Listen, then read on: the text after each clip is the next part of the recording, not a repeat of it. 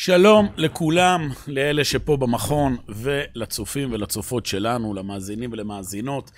אנחנו בסדרת השיעורים התחדשות של הנפש. אמרנו כל חודש, אנחנו נדבר על עבודת השם המיוחדת לכל חודש, אז כבר שיעור אחד כבר אה, העלינו לרשת, השיעור על חודש אלול, ועכשיו אנחנו בעזרת השם הולכים ללמוד על חודש תשרי. כל שנה, חודש תשרי זה נתפס, ובצדק, החודש אולי המרכזי ביותר בשנה, חודש שבו החגים מרוכזים, הימים הנוראים.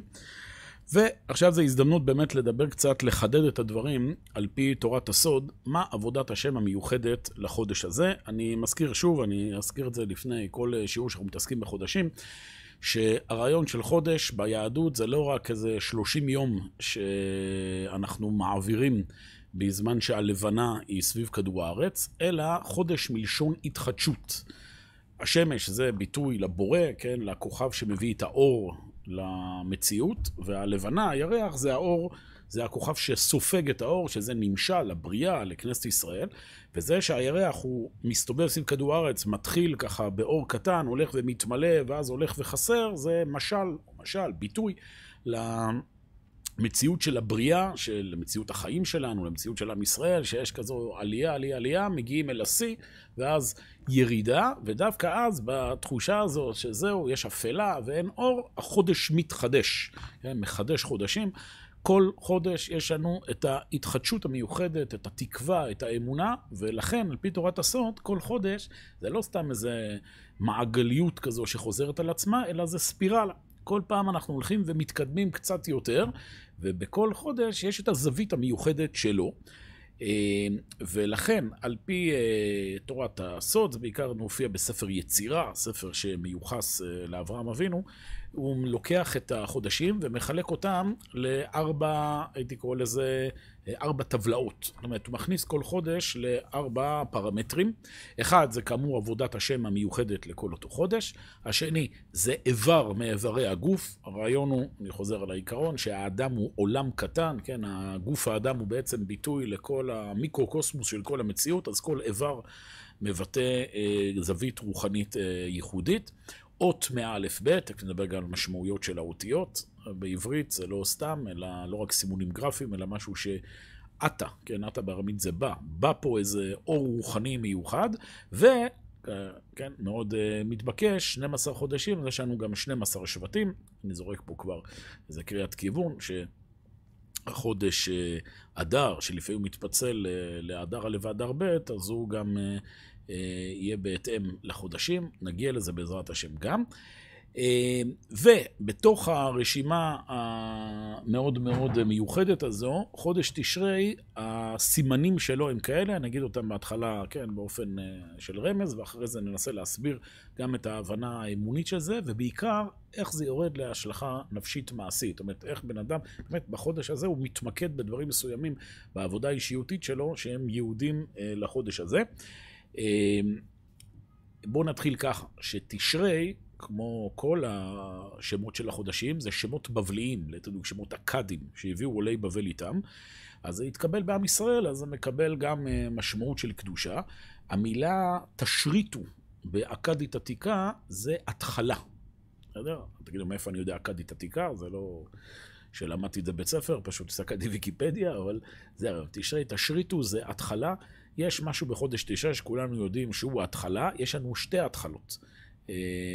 בלוח השנה היהודי, גם בתשרי וגם בניסן. אחד בניסן, אומרים חז"ל, ראש השנה למלכי ישראל, אחד בתשרי זה ראש השנה למלכי אומות העולם, תכף נדבר גם על ההבדל הזה. אז כאמור, מתוך חודש תשרי, הרשימה, הטבלאות שנשבץ אותן בחודש תשרי הם כאלה. המידה המיוחדת לחודש תשרי היא מידת המלכות. מידת מלכות, תכף נעמיק בזה, מה זה בדיוק מלכות, אני זורק את קריאת הכיוון, זה שליטה. מלכות, מאוד מסתדר לנו, נכון, ראש השנה וימים הנוראים, ראש השנה, בסדר? אז זה המידה המיוחדת, נדבר גם איך זה בא לידי ביטוי בחיים האישיים של האדם. האיבר בגוף האדם שמקביל על פי תורת הסוד לחודש תשרי זה משהו מאוד ייחודי. כל, איבר, כל חודש יש לו בדרך כלל איבר ספציפי. חודש תשרי, על פי תורת הסוד, זה הגוף כולו. בסדר? כל הגוף זה חודש תשרי. גם מאוד מובן. שזה ההתחלה של השנה, אז הכל כנוס בתוכה. האות מאלף בית שמקבילה לחודש תשרי זה האות למד, תכף נבין למה, והשבט הוא שבט אפרים, שזה מפתיע. היינו מצפים, לא יודע, שיהיה שבט יהודה, שיהיה, לא יודע, שבט ראובן, מסתבר דווקא שבט אפרים, גם את זה נבין. אז בואו נתחיל. דבר ראשון, הבנה עקרונית, מה זה מלכות. כן, מידת המלכות זה מידה שכולנו מכירים אותה גם בספרות, כן? על פי תורת הקבלה, יש, אה, העולם מופיע בעשר ספרות, שזה כאילו עשר הנהגות של הקדוש ברוך הוא בעולם, אם תרצו, אה, יסודות שונים שמרכיבים את המציאות. וספירת המלכות היא נחשבת בדרך כלל לספירה האחרונה, שהיא למעשה היכולת לקחת את כל הכוחות שקיימים בעולם הזה, ולהכניס אותם לסדר. אתם יודעים, זה הרעיון של מלך. מלך זה מישהו שמסדר הרבה הרבה פרטים בהרמוניה אחת גדולה, וכאן אנחנו צריכים לחדד. בדרך כלל היום, כשאנחנו אומרים את המילה מלך, אז uh, אוטומטית uh, מתורגם אצלנו למשהו שלילי. כי אלפי שנות היסטוריה הפכו את המלך למישהו שהוא עריץ והוא מדכא את uh, כולם. ואנחנו היום חיים בעולם דמוקרטי, שמבחינתנו כל מושג המלוכה זה משהו מאוד משונה. אבל, אבל, בין אם נרצה ובין אם לאו, אם תסתכלו בתנ"ך ובדברי חז"ל, עושה רושם שדווקא המלוכה, זה המציאות השלטונית האידיאלית. וגם הרבה פעמים שממשילים את הקדוש ברוך הוא, בדרך כלל ממשילים אותו למלך, נכון? לא ממשילים אותו לראש הממשלה ולא ממשילים אותו ליושב ראש ועד עובדים, אלא דווקא למלך. יש יסוד במשמעות המלכותיות, במשמעות המקורית שלה, שזה לא שליטה חיצונית. אני מלך, מלכות בהקשר התורני, זה היכולת לקחת את כל המציאות ולחבר אותה לא מבחוץ, לא בכפייה, אלא בחיות אורגנית, במשהו שהכל מחובר להכל בילד אין. המשל הטוב ביותר זה גוף האדם, שלא סתם אמרנו חודש תשרי, הוא בא לנרמז על ידי כל גוף האדם. שימו לב, מה קורה בגוף האדם? איזה איבר שולט בגוף האדם? אפשר להגיד מוח, אפשר להגיד לב, אבל מה הכוונה שהלב או המוח שולטים בגוף? שהם המלכים של הגוף.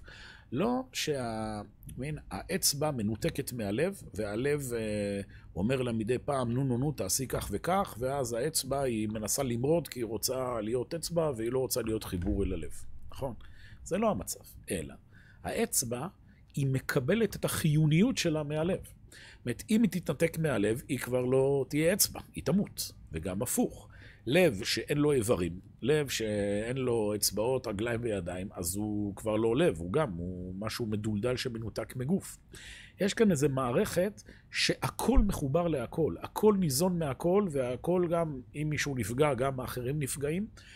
ואנחנו אומרים שהלב הוא המלך, או לא משנה, המוח הוא, הוא המלך, הכוונה היא שיש איזה מקום מסוים שבו הדברים מתרכזים. אבל לא מבין שהלב הוא יותר מהאצבע, הלב הוא יותר מהרגל, והלב הוא מדכא את היד או את הרגל. בדיוק הפוך. בזה שהלב פועם כמו צריך, זה מה שעכשיו גורם לידיים ולרגליים אה, לפעול בשיא החיונות שלהם, וכנ"ל הפוך, שהידיים והרגליים פועלים, כן, הכל שם פתוח, העורקים וזה, אז זה גם מזרים ללב דם ויוצר פה את כל המערכת.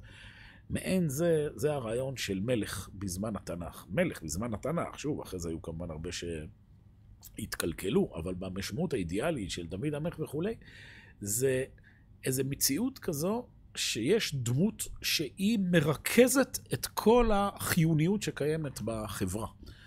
ואז ממילא היא גם מתנהלת, כן? מלך פורץ גדר ואין אה, מוחים בידו, מה הכוונה? לא איזה דיקטטורה כזו שלטוני, לא, אני הורס פה, לא אכפת לי מאחרים. אלא לפעמים הלב, זאת אומרת, הוא, הוא, הוא צריך להזרים את הדם בכל מחיר, כי על ידי כך כל הגוף ירוויח.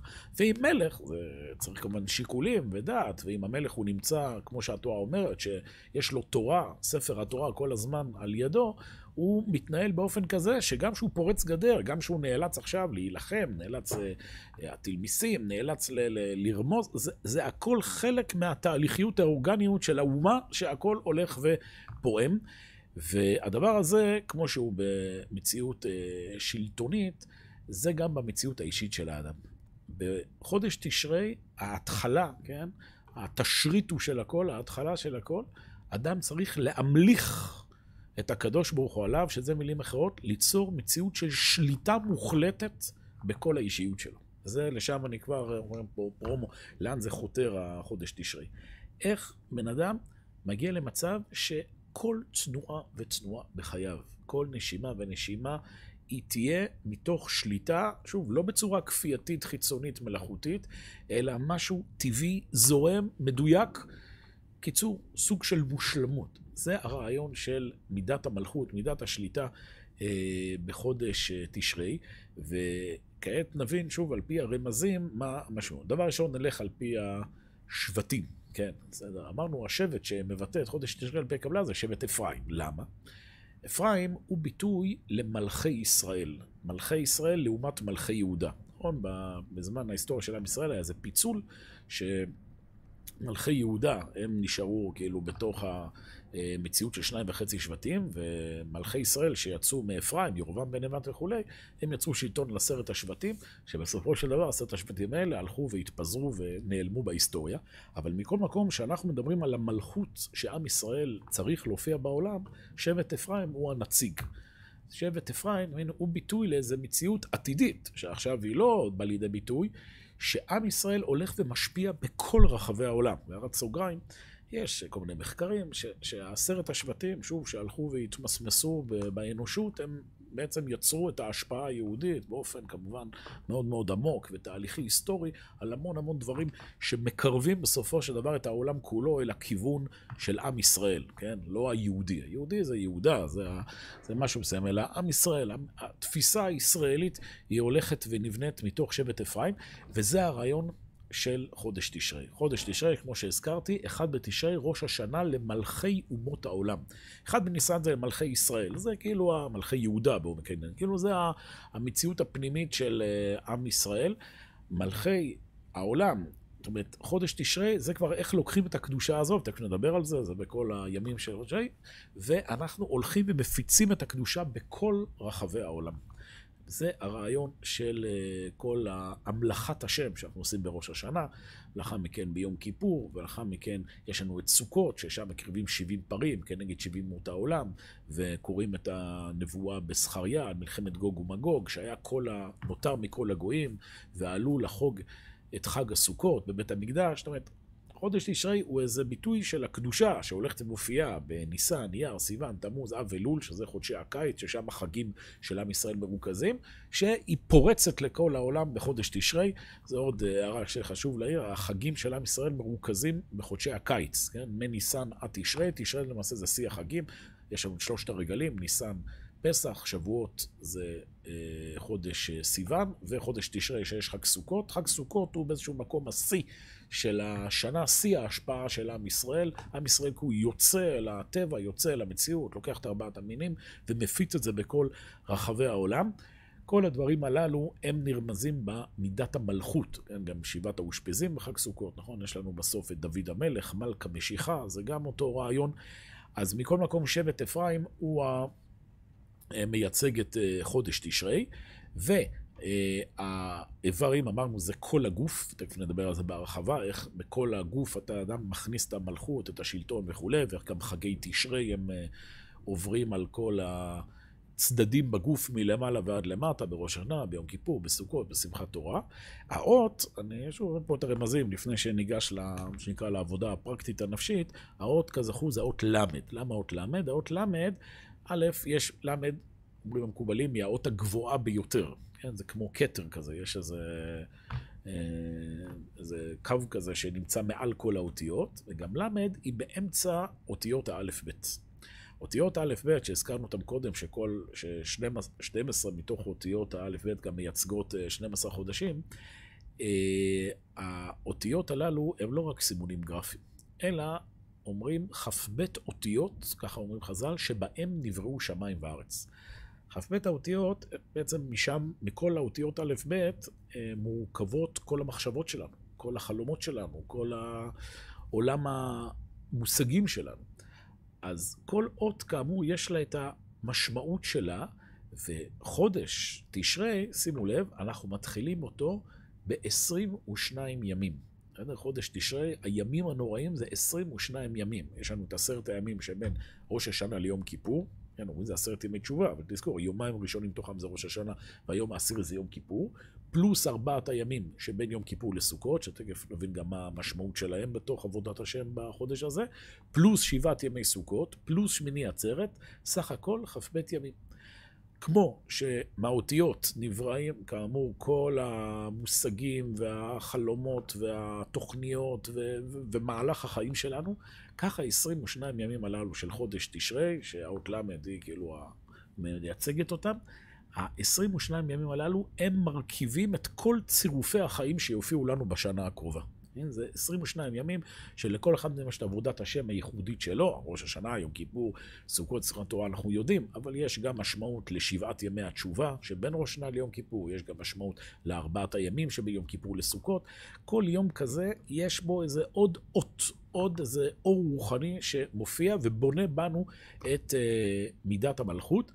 זה בא לידי ביטוי במזמור תהילים, שאנחנו נוהגים לומר לפני תקיעת השופר בראש השנה. אנחנו אומרים כך, למנצח לבני קורח מזמור. אה, בני קורח, אומרים חז"ל, בזמן שקורח נבלע באדמה, בני קורח ערערו בתשובה ולא מתו. כלומר, בני קורח הם ביטוי לאותם אלה שהתשובה שלהם מנצחת אפילו את הירידה לשאול האדמה, למנצח. הם מצליחים למנצח גם את המוות. אז מה בני כוח מזמרים? מה הם מזמרים בחודש תשרי? למנצח לבני כוח מזמור, כל העמים תיקחו כף. אתה מבין? כל העולם כולו עומד בחודש תשרי, סופי כף. כאילו, נמצא בתחושה של פחד ורעדה, כי השם עליון נורא, מלך גדול לכל הארץ. אין, בחודש תשרי מופיע מלכות השם בעולם, מופיעה התוכנית של הקדוש ברוך הוא לעולם. כן? לא רק איך העולם כמו שהוא נמצא, אלא איך העולם צריך להיות. כן? ואז נוצר פער אדיר בין הרצוי למצוי. כאילו, אדם בראש השנה, ביום כיפורים, נפתחים ספרי הזיכרונות, אדם רואה איפה הוא עומד ביחס לתוכנית האלוהית, וזה ממלא אותו ברעדה, כל העמים תגורף. כי השם עליון נורא, מלך גדול על כל הארץ. נו, ואז מה יקרה? מה, איך המציאות תחזיק מעמד מול האור הגדול הזה שמופיע בחודש תשרי? עונים בני קורח, ידבר עמים תחתינו ולאומים תחת רגלינו. זה המשמעות של חודש תשרי, של המלכות של חודש תשרי במשמעות הכללית. מה זה ידבר עמים תחתינו תחת רגלינו? שוב, לא במשמעות הילדותית של איזו דיקטטורה שרומסת אחרים. זה הכל מושגים שצריך לחדד אותם. המלכות שאנחנו מדברים עליה, ידבר עמים ולאומים תחת רגלינו, כלומר שהמציאות כולה תקבל את האופי הישראלי, תקבל את העולם ה... התורני, הרוחני, שעם ישראל מנחיל לעולם. האנושות כולה, ובאופן כאלה לא רק האנושות, גם הצמחים, גם בעלי החיים, הקוסמוס כולו הולך ומקבל את המלכות שלו מתוך חודש תשרי. התפילות שלנו בחודש תשרי, הימים הנוראים, המצוות של הימים הנוראים, כל התהליכים הנפשיים והרוחניים שכל אחד וכל אחת מאיתנו עוברים בחודש תשרי, הם יוצרים את המלכות בעולם, הם נותנים לנו את קריאת הכיוון לכל השנה כולה. עכשיו, כל זה, כמו שדיברנו, זה ברמה הכללית העקרונית, אבל המטרה של השיעורים הללו זה לרדת גם לרמה הפרטנית האישית. אומרת, אז איך אני מוריד את כל המלכות האדירה הזו אל, הצד האישי? אז הנה, פה ניגש אל, ה, הייתי אומר, עיקר העניין. אה, אנחנו בכל חודש, אחרי שאנחנו משרטטים את הרמזים הקבליים שלו, אנחנו משליכים אותו על נפש האדם. ואני כל פעם נותן מחדש את המפה של נפש האדם על פי אה, חכמי ישראל, ובראשם הרמב"ם בשמונה פרקים, שהוא כותב כך: נפש האדם היא מחולקת, אומר, לחמישה כוחות. בלשוננו, ישנם חמישה שלבים שאנחנו כל הזמן עוברים בנפש שלנו תהליכיות. אני, מה הם חמשת הכוחות? כוח הזן, מה שנקרא עיכול, כוח המרגיש, מה שנקרא רגש, כוח המדמה, מה שנקרא דמיון, כוח המתעורר, מה שנקרא אצלנו רצון, וכוח המחשבה, השכל, נקרא לזה העולם הרוחני. ואני חוזר איך הדברים פועלים, ואיך אחרי זה אנחנו אה, משליכים את זה לחודש תשרי. אדם נמצא כל השנה כולה. זה, זה, זה, זה, בחודש תשרי פשוט אנחנו מגיעים, מה שנקרא, ל, ל, לתמצית של הכול, אבל כל השנה כולה, כל יום ויום, אנחנו כל הזמן, דבר ראשון, קולטים נתונים מחמשת החושים. אנחנו קולטים נתונים מחוש המישוש, מהראייה, מהטעם, מה, מהריח. אה, כל הזמן אנחנו מזינים, כן, זה כוח חזן, כוח האיכון, מזינים את עצמנו בנתונים. משם זה מתרגם אצלנו לרגשות. כמו שאמרנו, זה לא, אנחנו בני אדם, אנחנו לא רובוטים. זה שאנחנו uh, מקבלים, uh, שאני עכשיו רואה משהו, זה גם יוצר לי איזה יחס רגשי אליו, בסדר? אני רואה עכשיו את אימא שלי, אז מתמלא ברגש של אהבה. אני רואה עכשיו uh, מישהו שלא יודע, שמזיק לי, אז אני מתמלא ברגע של כעס. בסדר? אז זה השלב השני, מרגיש. אחרי זה יש לנו מדמה. אני מזכיר שוב, זה, זה לא שזה עובד כזה כמו מחשב, שלב אחרי שלב. זה, זה, זה הכל ביחד, אבל בכל זאת כדי לשרטט את זה בצורה כרונולוגית, אז הרמב"ם אומר שהשלב הבא זה המדמה. מה זה מדמה? זה הדמיון. הדמיון זה ההמחשה, נכון? שאני מקבל... Uh, נתונים מחמשת החושים, אני, כל אחד מקבל ממנו בנפרד. מהעיניים אני מקבל את הראייה, מהאוזן את השמיעה, מהאף את הריח, מהמישוש, כן, מהידיים את זה, ומהפה את הטעם. כוח הדמיון, הוא לוקח את כל הנתונים ויוצר מהם דמות, יוצר מהם משהו ש... איזו תמונה תלת מימד, שהרבה פעמים גם היא ניכרת בבלוטות הטעם. נכון, אני רואה איזה אוכל שאני מכיר כבר את הטעם שלו, אז הדמיון עוזר פה ל- לזכור את הטעם, כנ"ל גם ריח. זאת אומרת, יש פה משהו שהדמיון הולך ומרכז את הכל, ומשם אה, אנחנו מגיעים אל כוח שהרמב"ם קורא לו המתעורר, הרצון. זאת אומרת, אחרי שאני אה, קיבלתי נתונים מהחושים, יש לי יחס רגשי אליהם, אני מדמיין אותם, עכשיו אני קובע את היחס הרצוני האם אני מתעורר עם רצון אליהם, או הפוך, מתעורר לדחות אותם. האם אני רוצה את האוכל הזה, לא רוצה את האוכל הזה, האם אני רוצה להיות בקשר עם הבן אדם הזה, לא רוצה להיות בקשר עם הבן אדם הזה, ובסוף מגיע המחשבה, מגיע השכל, שהוא תפקידו אה, להגיד האם הדבר הזה טוב או לא טוב. בסדר? זה ה... אה, זה המהלך הנפשי שאנחנו כל הזמן חווים. דיברנו חודש אלול, זה המחשבה, זה בעצם ה... אה, השלב האחרון, שאנחנו בעצם בוחנים את כל מה שהיה כל השנה כולה בחודש האחרון, ומתחילים לבדוק האם הוא טוב או לא טוב. זאת אומרת, אני בחיים, ש... במהלך השנה אני מיששתי, אירחתי, טעמתי דברים, הרגשתי, דמיינתי, רציתי, ועכשיו אני בודק בחודש אלול האם זה טוב או לא טוב. חודש תשרי, שימו לב, אמרנו, המידה שלו זה מידת המלכות. מה זה מידת המלכות? מידת המלכות זה היכולת לקחת את העולם הרוחני, את העולם השכלי-רוחני, ולהשליט אותו, ולהמליך אותו על כל הנפש, ובעיקר על חמשת החושים.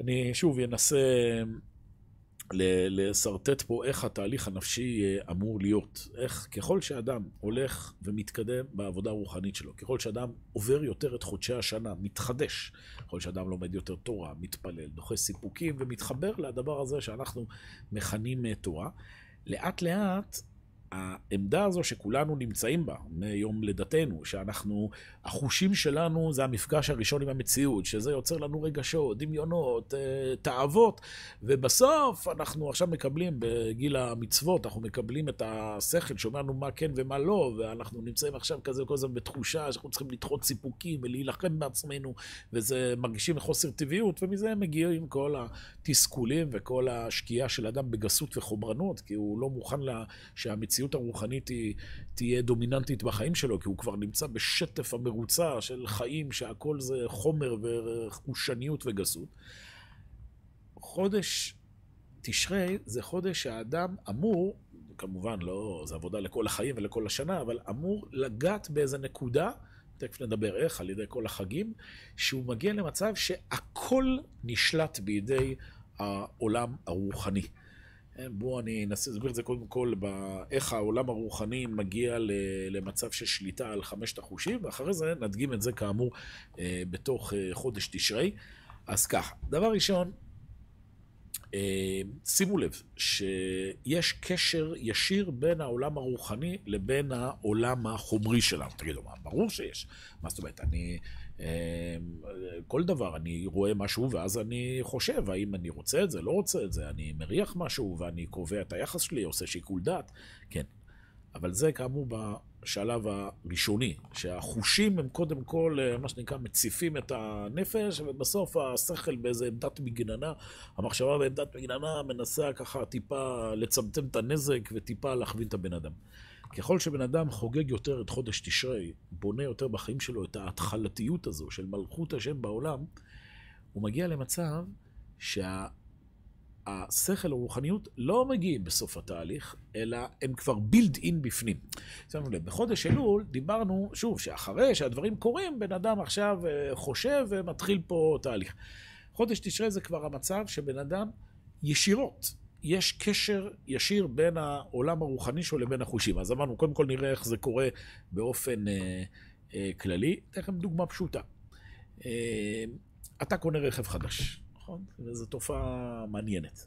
אתה קונה רכב חדש מדגם מסוים, והפלא ופלא, מהיום שקנית את הרכב, אתה פתאום רואה בכביש כל הזמן את הדגם, את אותו דגם מסתובב לך מול העיניים. עכשיו, לא שמתי לב לזה קודם, ועכשיו, לא יודע, קניתי איזה דגם של רכב, עכשיו, וואו, הנה, גם לא יש, גם לא יש, גם לא יש, גם לא, גם לא יש. מה, איך הדברים התנהלו פה? שימו לב, זה לא שה...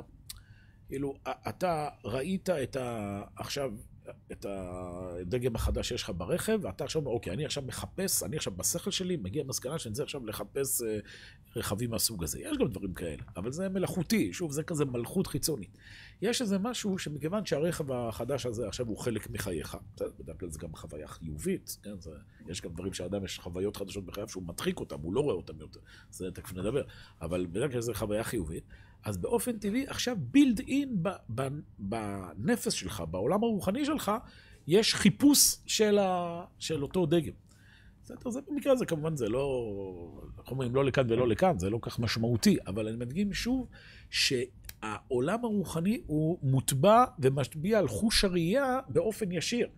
גם קודם התמונה של כל הרכבים בכביש אה, עברה דרך הרשתית שלך וקרני האור.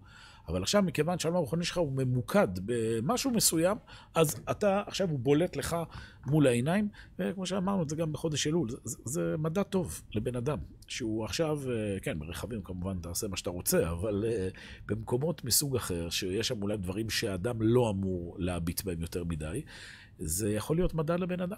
אם, אם הוא עכשיו, ישר העיניים שלו מתלכדות על משהו שלא אמור לראות, אז זה סימן לא טוב, זה סימן שהוא לא נמצא בחודש תשרי. בסדר, אתה יכול להגיד, אין מה לעשות, זה המצב, הפוך, עכשיו אני... אה, אני... אה, אני... אה, מתגבר על עצמי וכולי, בסדר, זה, זה חלק מהעבודה הרוחנית.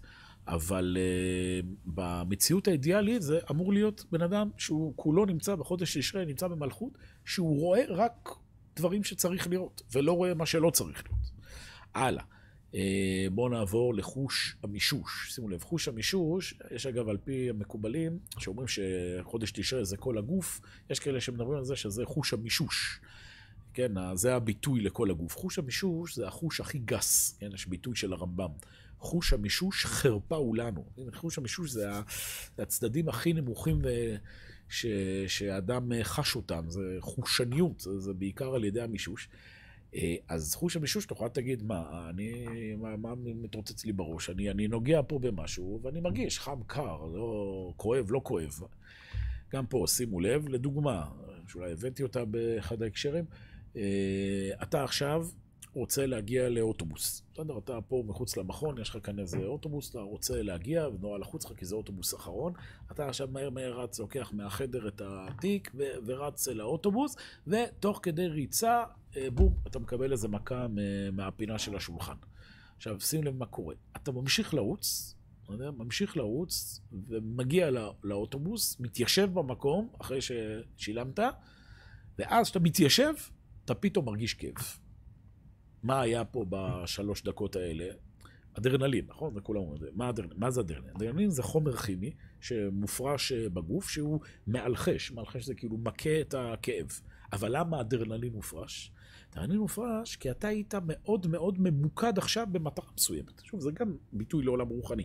המטרה שלי עכשיו להגיע לאוטובוס. שוב, זה, זה, אני, כל האישיות שלי, כל המלכות שלי היא מרוכזת עכשיו בלהגיע למשהו מסוים, וזה הולך ומשפיע בילד אין גם על המישוש שלך, אתה מבין? גם על רמת הכאב או הלא כאב. כן, יש מקומות בעולם שאנשים הולכים על גחלים או משהו כזה, ש, שזה יוצר השפעה ברמה חושנית. מבין, השליטה היא מגיעה בסופו של דבר, תכף נקרא את זה מרבי יהודה הלוי, שיש לך רגשות בחושים, רגשות שונים מבן אדם רגיל. זה, לשם אנחנו, תכף עוד, אה, הנה בואו ניקח אולי בדוגמה אחרת. אה, אה, בטעם, בסדר? טעם. זו דוגמה אה, קלאסית. טעם, תגיד שוב, מה, אני טועה, מה, מה, מה זה משנה מה אני יודע? לא, בוודאי שזה משנה. כשאתה יודע שמשהו מסוים, לצורך העניין, אה, הוא מגעיל אותך, אז אתה תרגיש את זה גם בטעם. בסדר? והפוך, שהאוכל הוא מסודר, אסתטית, יפה, כאילו אתה, אתה החושים שלך והמחשבה שלך רואה בזה, מציירת את זה כמשהו יפה, זה הרבה פעמים גם משפיע על הטעם. אבל אם נדבר באמת על, אה, על אה, גדולי ישראל, אתכם סיפור שמספרים על בעל התניא, ככה מסופר. אה, שבעל התניא הפעם היה צריך להגיע לאיזה אורח חשוב, איזה רב חשוב, אז הוא פנה לרבצה, מה שנקרא, לרבנית, וביקש ממנה שתכין סעודה, סעודת מצווה, אני יודע מה, יש שם סיום מסכת. והיא אמרה בסדר, אבל אז הגיעה הבת של בעל התניא. מה, מה הסיפור? הסיפור היה שהרבנית כבר הייתה מבוגרת, ומי שהחליף אותה במטבח זו הייתה הבת. באה הבת ואמרה, מה, כל השנה אני טוחנת צעירות, אני מבשלת ארוחות פשוטות, ועכשיו סוף סוף שיש כזה ארוחה מכובדת וזה, אז נותנים לאימא שלי, אני גם רוצה אה, לבשל. אז אה, ככה מסופר, סיפור חסידי, אבל אני אף פעם לא סגור מה, מה בדיוק קרה שם, אבל זה הסיפור. אז uh, בעל התניא עשה פשרה ביניהם, אמר, אתם יודעים מה, בואו נעשה ככה, הבת תבשל גם את הארוחה הזו, כן, אחרי כל השנה שהיא טורחת, אז ניתן לה גם את הזכות להיות שותפ, שותפה בארוחה המכובדת הזו, אבל, היא לא תוסיף מלח, כן? והאמא תבוא ותוסיף מלח, כי המלח זה עיקר הטעם, נכון? אז יש פה איזה חיבור כוחות. טוב. אז מה שמסופר זה שהבת בישלה, וכשהיא בישלה, היא שכחה את ההסכם תוך כדי בישול, ככה על הדרך היא גם הוסיפה את הקמצוץ מלח. ואז אחרי שהיא סיימה, הגיעה אימא, ובאה לתת מלח, מכיוון שזה גם היה התפקיד אה, היחיד שלה, אז היא עשתה את זה בהידור והוסיפה הרבה מלח. בקיצור, המליכו את התבשיל. ואז הסיפור היה שבא אורח, ישב מול בעל התניא, הגישו לשניהם את האוכל, ובאיזה שלב הבעל התניא שם לב, בעל התניא כאילו אוכל, אוכל, והוא ראה שהאורח לא אוכל. האורח ניסה רק להכניס אה, כף אחת, כולו אה, רצה להקיע, הכל היה מלח. אז uh, מסופר שבא אתה באיזה שלב מרים את הראש ואומר לו, מה, כבודו לא רעב? אז הוא בעדינות אומר לו, כבודו לא שם לב שהאוכל קצת מלוח. מסופר שבעל התניא אמר לו, שנייה, הכניס את הכף uh, לפה, התרכז, התרכז, התרכז, ואז עכשיו הוא אומר לו, יכול להיות שאתה צודק ויש קצת מלח. בסדר, הסיפור הזה, בין אם היה כך או אחרת, הוא בא לבטא איזשהו רעיון. בין אם ש... יש אדם שהוא נמצא במלכות, שהעולם הרוחני שלו הוא כולו ספוג בקודש, אז גם הטעמים, הוא, הוא חווה אותם אחרת. הוא, הוא, הוא עכשיו מרוכז בלימוד תורה וזה, פחות מלוח, יותר מלוח, הוא, הוא לא נמצא שם.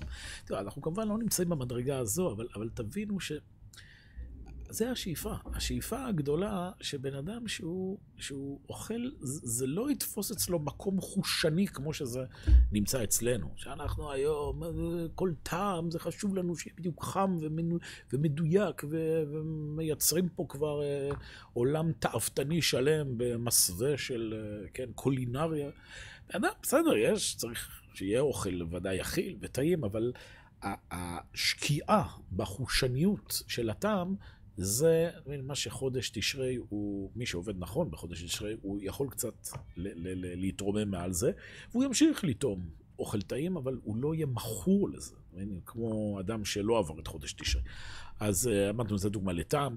אה, דוגמה נוספת לריח. אז הנה, גם דוגמה שאולי גם הזכרנו, הרב קוק, אני חושב שדיברנו על זה. הרב קוק, יש לו ביטוי אה, מדהים, שהוא כותב שהוא היה ילד, ככה הוא כותב, הייתי עובר ליד כנסיות, כן, שהוא גדל שם באירופה, והוא אומר, למרות שהן היו מעוטרות בזהב הכסף, למרות שהן מאוד מפוארות, היה עולה באפי ריח של בית הכיסא, איך הוא אומר. הייתי מריח ריח של לא טוב. שוב, דבר מדהים, מבין? אדם ש, שכאילו העולם הרוחני שלו כל כך מלכותי, כל כך מאוחד עם החושים, שהוא יודע שכנסייה זה דבר שלילי, אז, אז זה ניכר בחוש הריח שלו. שמיעה, גם יש כל מיני סיפורים על, על גדולי ישראל, והם גם לא גדולי ישראל, לא יודע, אנשים שטיפה עבדו על עצמם, שנמצאים בחדר, שמדברים לשון הרע, שומעים, שומעים, והם שואלים אותם מה, מה אמרו שם, הם לא, לא, לא, לא שמענו כלום. אגב, זה, זה גם יכול להיות הפוך. זה למשל נמצא בשיעור, שואלים אותו מה היה בשיעור, אומר, אה, אה, מה, לא שמעת? אה, לא, לא שמעתי. כאילו הייתי, אבל המוח שלי לא היה שם, אז איך אומרים, לא היה לי מלכות, לא היה לי שליטה על האוזן, אז אה, יאללה, זה, אה, זה עבר לי ליד האוזן, מה שנקרא. בסדר? אז, אז, אז זה הרעיון. יש קשר ישיר בין, אמרנו, ה, ה, ה, המציאות הרוחנית, שאיך היא מופיעה בילט אין בתוך החושים. אז אם בחודש אלול, כאילו, עבדנו על זה של לעשות בדיקה, כן, בשכל, במחשבה, האם מה שעשינו זה טוב, לא טוב, בחודש תשרי כבר אנחנו מגיעים למצב שאנחנו חווים את זה בתוך החיים עצמם. כן, זה המלכות, זה המציאות העליונה, והנה, איך זה בא לידי ביטוי חודש תשרי? אז הנה אנחנו אה, פורים פה את החוב שאמרתי בתחילת השיעור. אז בואו נתחיל. ראש השנה, שימו לב, ראש השנה, איזה, מתוך כל החושים, כן, איזה... אה, חוש ראש השנה בעיקר עובד עלינו, אה? נכון? או שמיע, קול שופר, נכון? המצווה, ברוך השם מלך העולם, ציוונו לשמוע קול שופר, לא לתקוע בשופר, לשמוע. להיות ממושמעים אל הקולות. בכל, או שאנחנו שומעים קול מלכותי, כן, היתקע שופר בעיר ועם לא יחרדו, הוא קול בלי מילים. קשור לעוד, אני לא מה זה בדיוק שופר, אבל הרעיון שאנחנו שומעים קול מעל העולם הזה. קול שבעצם לוקח מילים, זה פרטים, זה סיבוכים, זה כל השנה. חודש תשרי, אנחנו לוקחים את כל הפרטים וחורזים את הכל בפשוטה. ככה חז"ל מכנים את אה, שמיעת השופר, באיזה קו אחד כזה, שמחר...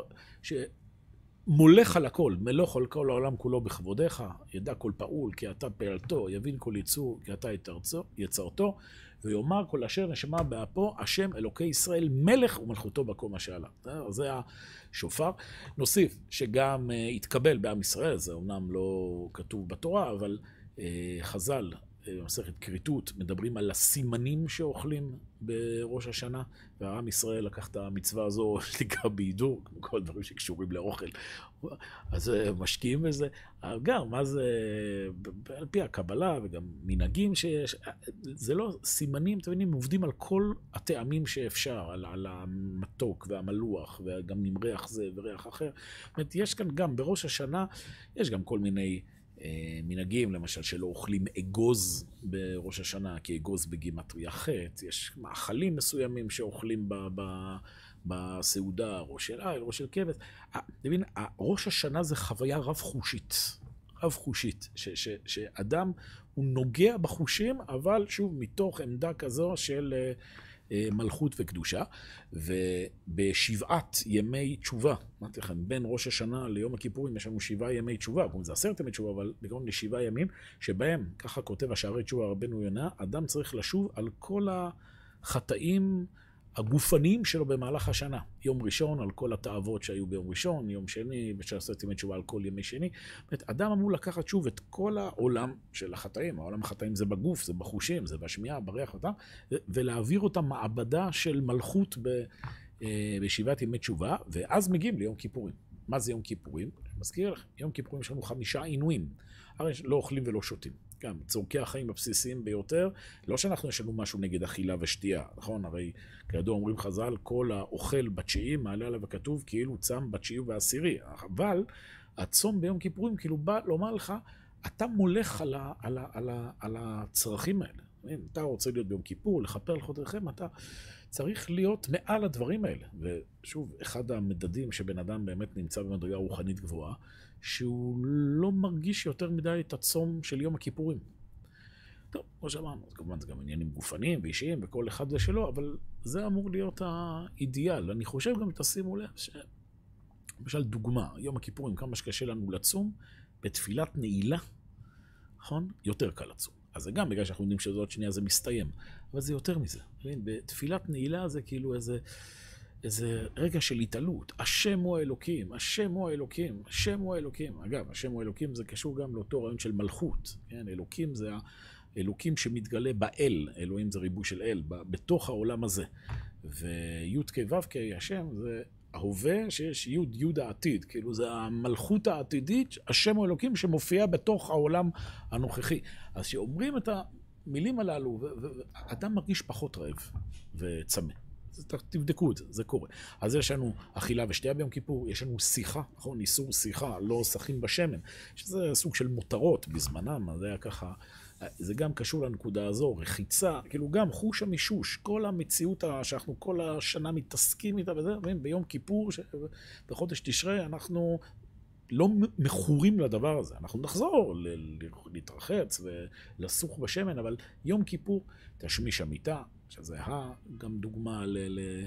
לחושניות וכולי, ביום כיפור אנחנו שולטים על זה, וזה בסוף מגיע לנעילת הסנדל. מה הרעיון של נעילת הסנדל? סנדל זה הנעל, כן, על האיבר הכי נמוך של הגוף, העקב, כאילו המקום הכי שפל, שבדרך כלל אז לפחות הלכו עם סנדלי אור. אור זה תמיד ביטוי בתורה למשהו גס, למשהו עבה, למשהו מחוספס. ביום הכיפורים אנחנו מסירים את סנדלי האור, ובמקומם נועלים נעלי אור, באלף. אנחנו שמים, או נעליים בלי אור, או הולכים יחפים, כאילו. אדם כמו שנאמר למשה רבנו, של נעליך מעל רגליך. כאילו אדם משיל מעליו את הגסות של החושים, ונותן למלכות של ראש השנה, של חודש תשרי, להופיע בתוכו. אה, וזה קשור גם בתוך עבודת הכהן הגדול עם הכיפורים, כל הקורבנות. אז זה הכל עבודות עם כל החושים, אתה מבין, בבית המקדש היו מריחים את הקטורת והיו רואים את הדם ומזים את הדם, צריך ללמוד את זה.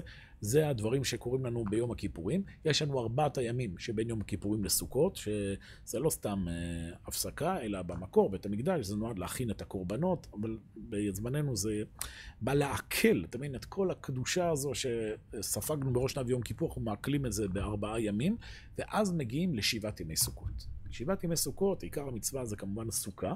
אז הנה זה שוב קשור למה שאנחנו מדברים פה. מה זה חודש תשרי? חודש תשרי אמרנו זה שבן אדם, אה, אה, כל הגוף שלו נמצא בקדושה. מצוות סוכה זה המצווה שכולנו יודעים, שכל... זה מצווה ש... הגוף, ברגע שהגוף שלך נמצא בסוכה, בלי שאתה עושה כלום, אתה כבר מרוויח מצווה. נכון? אתה אוכל בסוכה, ישן בסוכה, כל צורכיך בסוכה, זה הרעיון שלך כסוכות, שאתה נמצא במשך שבעה ימים תחת צילה דממנותא, תחת צל האמונה, איזו מציאות רוחנית שאומרת לך, תקשיב, הקדושה, חודש תשרי בא ללמד אותך, זה לא שכל ה... כאילו, החיים, יש את החיים, ומדי פעם צריך פה לתת איזה מס למלך, איזה דברים דתיים שצריך מדי פעם לעשות, אבל אתה לא מרגיש. לא. אתה, כל הגוף שלך, כל האישיות שלך, בכל המובנים, היא נמצאת בתוך הקדושה, ולכן זה מלא שמחה. אומר הרמב"ם, אף על פי שכל המועדים הייתה, היה מצווה לשמוח בהם, בחג הסוכות הייתה במקדש שמחה יתרה, שנאמר, ושמחתם לפני השם אלוקיכם שבעת ימים. חג סוכות זה אמרנו השיא של החגים, זה, זה, אדם מגיע לאיזה סינכרון מלא בין הקדושה לבין המציאות הטבעית, הוא אוסף את התבואה שלו, זה קשור גם לזמן החקלאי, לוקח את ארבעת המינים, ארבעת המינים כולנו יודעים, יש זה טעם וריח, ריח בלי טעם, ריח טעם עם ריח, זה כל סוגי החושים שקיימים במציאות, אנחנו מאגדים אותם יחד ומניפים אותם לששת הצדדים, ימין, שמאל, קדימה, אחורה, למעלה ולמטה, כאילו לכל מרחבי הטבע, יש כאלה שעושים שלוש פעמים לכל צד, זה שלוש כפול שש, בגימטריה חי. הכל, אני מבין, כל החיים, כל מעגלי החושניות הם נוגעים בתוך הדבר הזה של הקדושה. יש גם את שמחת בית השואבה, לוקחים את המים, גם מציאות אה, של העולם הזה שמבטאת את הזרימה, את הטבעיות, ומחברים את זה אל המזבח, מנסחים את זה למזבח. ו... אה, מקריבים כאמור 70 פרים כנגד 70 אומות העולם, שזה גם קשור לנקודה הזו, כן? עם ישראל הולך ומופיע, המלכות של עם ישראל מופיעה בכל, בכל הגוף העולמי, ובסוף מגיעים לשמחת תורה. לשמחת תורה, מה, אנחנו היום בעיקר שמחת תורה, זה הריקודים סביב הספר תורה, אבל בזמן... אה, אה, שבית המקדש אה, היה קיים, עיקר שמחת תורה זה היה הקורבנות שהקריבו שם, בסדר? קורבנות, ובעם ישראל התקבל מהלך הדורות ששמחים בתורה. זאת אומרת, בוא תבין, כל המהלך הגדול הזה של חודש תשרי, שהוא בנוי על כל המהלך של כל השנה היהודית, של היכולת לקחת את החיים, זה ממלא אותנו שמחה מתוך התורה. חודש תשרי זה להשליט את התורה, להמליך את התורה על כל השנה כולה, לכן גם יש מנהג של הקפות שניות, להמשיך את זה כאילו קצת לשנה הבאה, ואז בן אדם יש לו את הכוח לצאת אל חודשי החורף. מתוך חודש תשרי הוא יוצא, החגים מסתיימים, ועכשיו הוא יוצא אל השגרה, אל תכלס, אל העבודה, כל השנה, אל המפגש עם הגוף, עם החושים, אבל מתוך עמדה של מלכות, מתוך עמדה של uh, קדושה. Uh, אז אם אני מנסה לתמצת את זה ברמה הפרקטית, נפשית, אם אפשר לקרוא לזה כך, א', כמובן כל המצוות והחגים של חודש תשרי, זה, זה עיקר העבודה. אבל אדם יכול לקחת מחודש תשרי כל מיני קריאות כיוון, איך הוא באמת מגיע למצב שהוא ממליך את, ה, את התודעה, את העולם הרוחני על החושים שלו. אה, דוגמה, אני אומר, למשל אדם אוכל כל השנה, לא רק בחודש תשרי, ומשאיר קצת בצלחת. עם שום דוגמה לאיזה שליטה. תגיד, אה, אבל זה מלאכותי, זה, נכון, זה מתחיל מלאכותי, אבל אחרי המעשים נמשכים הלבבות, כמו שאומרנו ספר החינוך, ולאט לאט בן אדם מגיע למצב שהוא אוכל מראש מה שהוא צריך ולא יותר. זה יכול להמשיך במקלחת קרה לפעמים שאדם עושה, שגם כזה בא לרסן את, ה, את החושים וטיפה לתת, ועם הזמן זה הופך להיות גם איזה טבעי, וזה יכול להיות, שוב, בן אדם שעובד על נושא צניעות, אז הוא הולך במקומות מסוימים, אם יש לו משקפיים, אז הוא יכול להוריד את המשקפיים.